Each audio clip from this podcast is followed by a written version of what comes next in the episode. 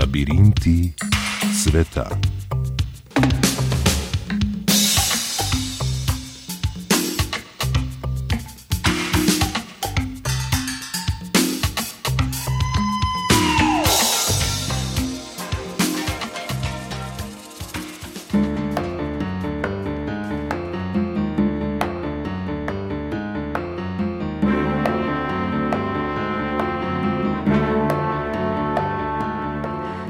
Ruski predsednik Vladimir Putin, ki je danes dopolnil 70 let, je pred tednom dni v Kremlju po več kot sedmih mesecih prelivanja krvi in na tisoče mrtvih na ukrajinski in ruski strani začel zakonodajni postopek o priključitvi ukrajinskih regij Herson, Zaporože, Donetsk in Lugansk k Rusiji.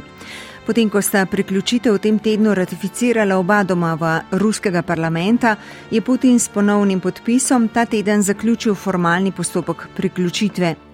Ta sprememba med drugim spreminja kontekst Putinove izjave iz obdobja po neuspehih ruske vojske na severovzhodu Ukrajine, po katerem se je ruska vojska osredotočila na jugovzhod.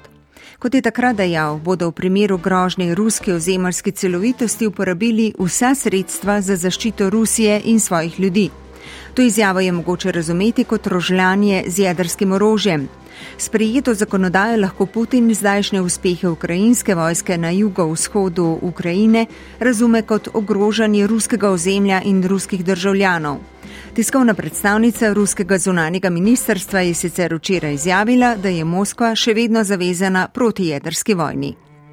Ruski predsednik Vladimir Putin je ob končanju postopka priključitve izjavil. Mi vsegda И несмотря на трагедию сегодняшних дней, и сегодня с огромным уважением... Kljub današnji tragediji smo vedno gojili globoko spoštovanje do ukrajinskega ljudstva, kulture, jezika in literature.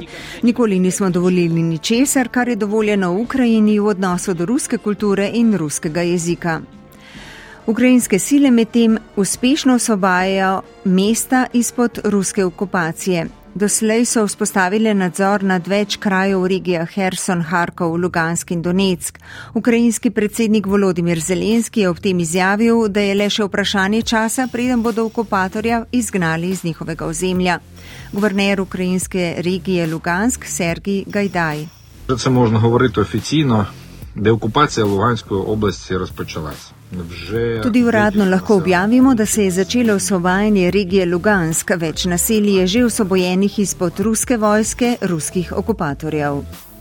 Zelenski je na svoji spletni strani objavil odlog, ki Ukrajincem prepoveduje pogajanja z ruskim predsednikom Vladimirjem Putinom.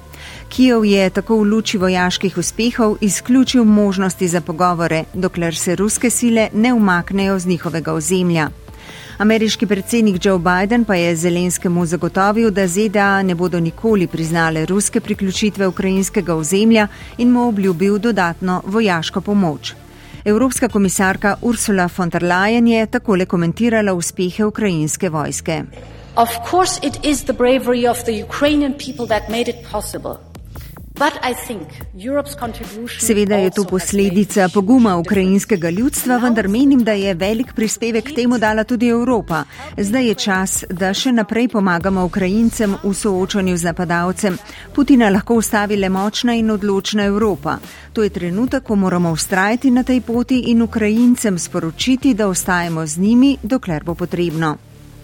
Evropski parlament je tako včeraj pozval članice naj močno povečajo svojo vojaško pomoč Ukrajini. Članice so dosegle tudi dogovor o osmem svežnju sankcij proti Rusiji zaradi njene invazije na Ukrajino. Države morajo sankcije potrditi še po pisnem postopku.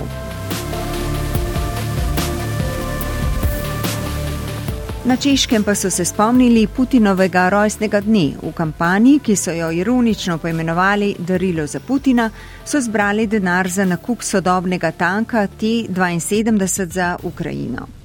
11 tisoč ljudi je v enem mesecu zbralo skoraj 1,2 milijona evrov, zdaj pa bodo nadaljevali zbiranje sredstev še za nakup streljiva za tank.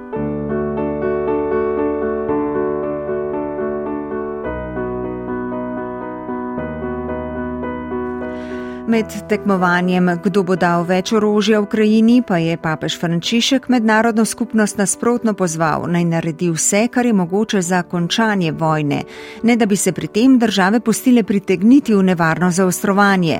Ruskega predsednika Vladimirja Putina je pozval k končanju vojne, ukrajinskega predsednika Volodimirja Zelenskega pa naj bo odprt za pogajanja.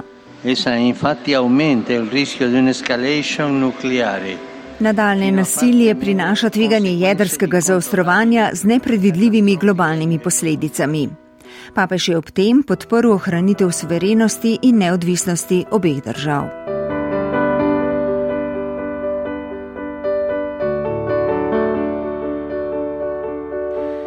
Preiskava uhajanja plina na plinovodih Severni tok 1 in 2, ki povezujeta Rusijo in Nemčijo pod Balskim morjem, je še ukrepila sum, da je šlo za sabotažo. Dve uhajanji so zabeležili v švedskih, dve pa v danskih vodah. Kot so ugotovili preiskovalci, sta jih povzročili najmanj dve podvodni eksploziji z močjo več sto kg eksploziva. Plinovoda sicer nista obratovala, bila pa sta polna plina pod pritiskom. Rusija je dobavo plina po severnem toku eno v minulih mesecih najprej zmanjšala, na to pa avgusta popolnoma ustavila. Dobava po severnem toku dve pa nikoli ni stekla, saj je Nemčija tik pred ruskim napadom na Ukrajino februarja letos ustavila projekt. Danski raziskovalec na Danski kraljevi varnostni fakulteti Anders Puk Nielsen it's very hard to pinpoint exactly who did it and why. Um, Težko je pokazati s prstom na odgovornega. Po družbenih medijih kroži veliko razlag. Če pa pogledamo, kdo bi najbolj pridobil od kaosa na plinskih trgih v Evropi, je to Rusija. Ta zlorablja plin kot pritisk na Evropo, da bi obupala nad pomočjo Ukrajini. Moskva zanika odgovornost in trdi, da bi od poškodb najbolj pridobila ameriška naftna podjetja. Združene države Amerike si sicer že več let prizadevajo, da ta projekt ne bi zaživel. Evropska unija medtem razmišlja o cenovni kapici za plin. Nemčija pa je napovedala svežen ukrepov za omejitev posledic energetske krize v višini 200 milijard evrov.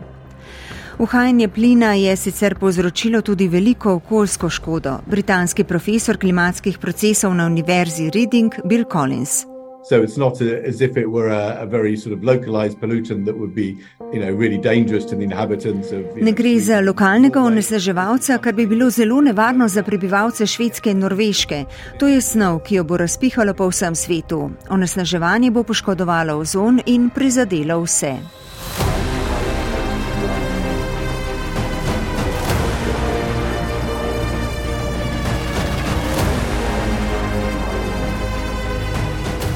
Severna Koreja je ta teden med drugim izstrelila balistično raketo, ki je preletela Japonsko, na to pa padla v Tihi ocean. To je bila prva raketa po letu 2017, ki je preletela Japonsko ozemlje. Japonski premijer Fumio Kishida je ostro obsodil, kot se je izrazil, to najnovejšo barbarsko potezo. Japonski obrambni minister Yasukazu Hamada pa je povedal. Eh,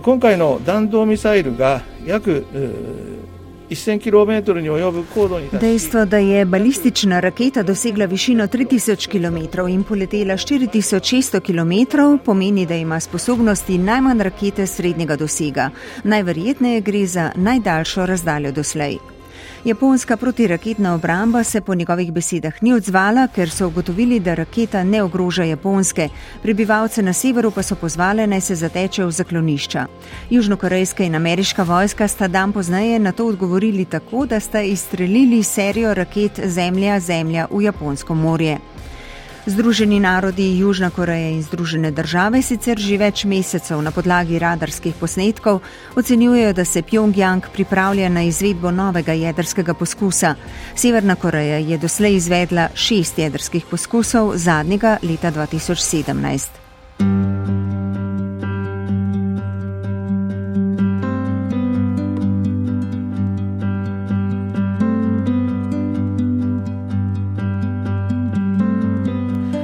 V Iranu se nadaljujejo množični protesti, ki so izbruhnili po smrti 22-letne Mahse Amini v policijskem pridržanju, priprte zato, ker ni pravilno nosila tradicionalnih oblačil.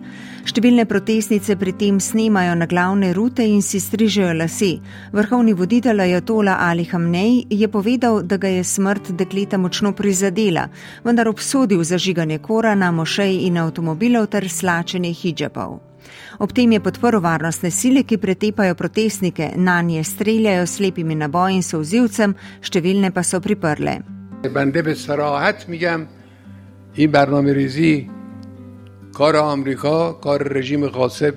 Po njegovih besedah je jasno, da za temi nemiri in nestabilnostmi stojijo američani in sionistični režim. Vse to je plot njihovega načrta in zarota Irancev, ki živijo v tujini.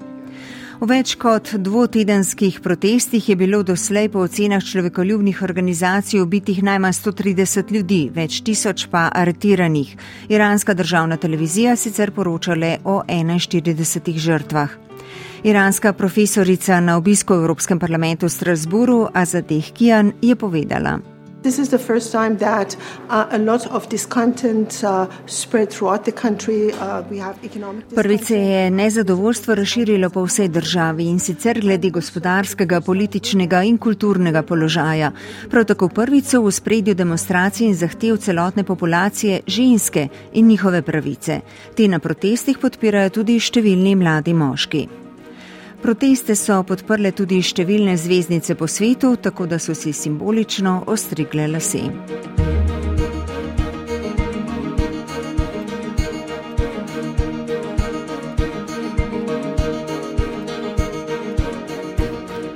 Letošnjo Nobelovo nagrado za mir prejmejo beloruski aktivist Ales Bialjacki ter organizaciji za človekove pravice Memorial iz Rusije in Centr za državljanske soboščine iz Ukrajine.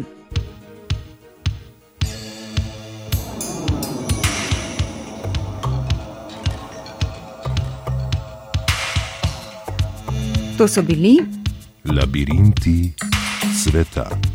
Redna tedenska oddaja zunanje političnega uredništva Radia Slovenija.